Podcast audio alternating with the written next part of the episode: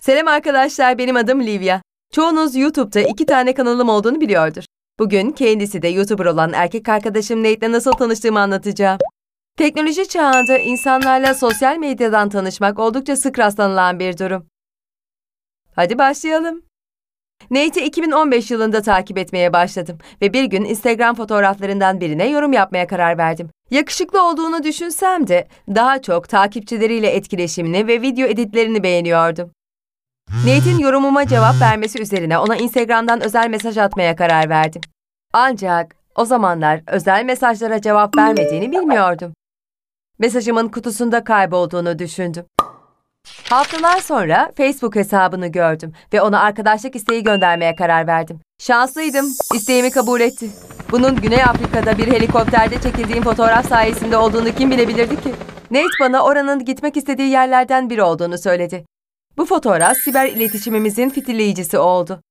Nate Güney Florida'da yaşıyor. Bir gün cesaretimi toplayıp kız arkadaşımla beraber Miami'ye tatile geleceğimizi söyledim.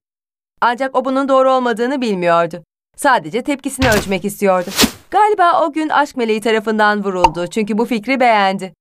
Birkaç gün sonra kız arkadaşımın benimle gelemeyeceğini söyledim. Tur rehberim olmak istediğine emin misin diye sordum ona. Nate Nate buna memnun olacağını söyledi. Heyecanlandım. Planım işe yarıyordu. İlk FaceTime yaptığımızda neredeyse 10 saat boyunca konuştuk. İşte o an birbirimizle uyumlu olduğumuzu anladım.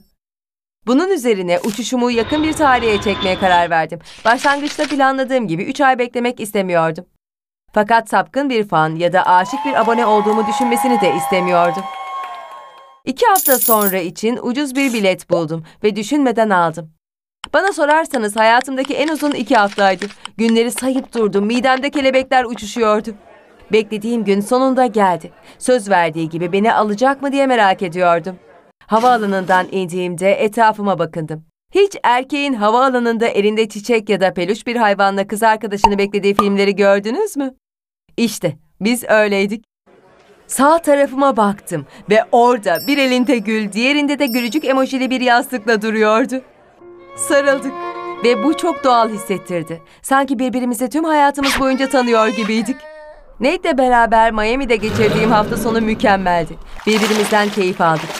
Yeni çiftlerin söylemekten çekindiği iki küçük kelimeyi söylemekten hiç çekinmedik. Bazıları bunun seni seviyorum demek için fazla erken olduğunu söyleyebilir. Neden olsun ki? Aşk kuralları diye bir kitap mı var? İlişkinin üçüncü ayında söylemek mi güvenli olan? Şunu da eklemeliyim ki daha ilk günümüzde elimi tuttu. Bu iyi bir işaretti. Haftanın sonunda Nate seni seviyorum dedi ve kelebekler geri döndü. Zaman zaman birbirimizi ziyaret ettik. İlk günkü duygularımız bizi hiç terk etmedi. Merak ediyorsanız söyleyeyim. Mesafe bizim için hiçbir zaman sorun olmadı. Yani bazen olmuş olabilir. Kulağa çelişkili gelebilir. Ama bence bu bizi daha da yakınlaştırdı. Neredeyse dört yıl geçti ve hala birlikteyiz.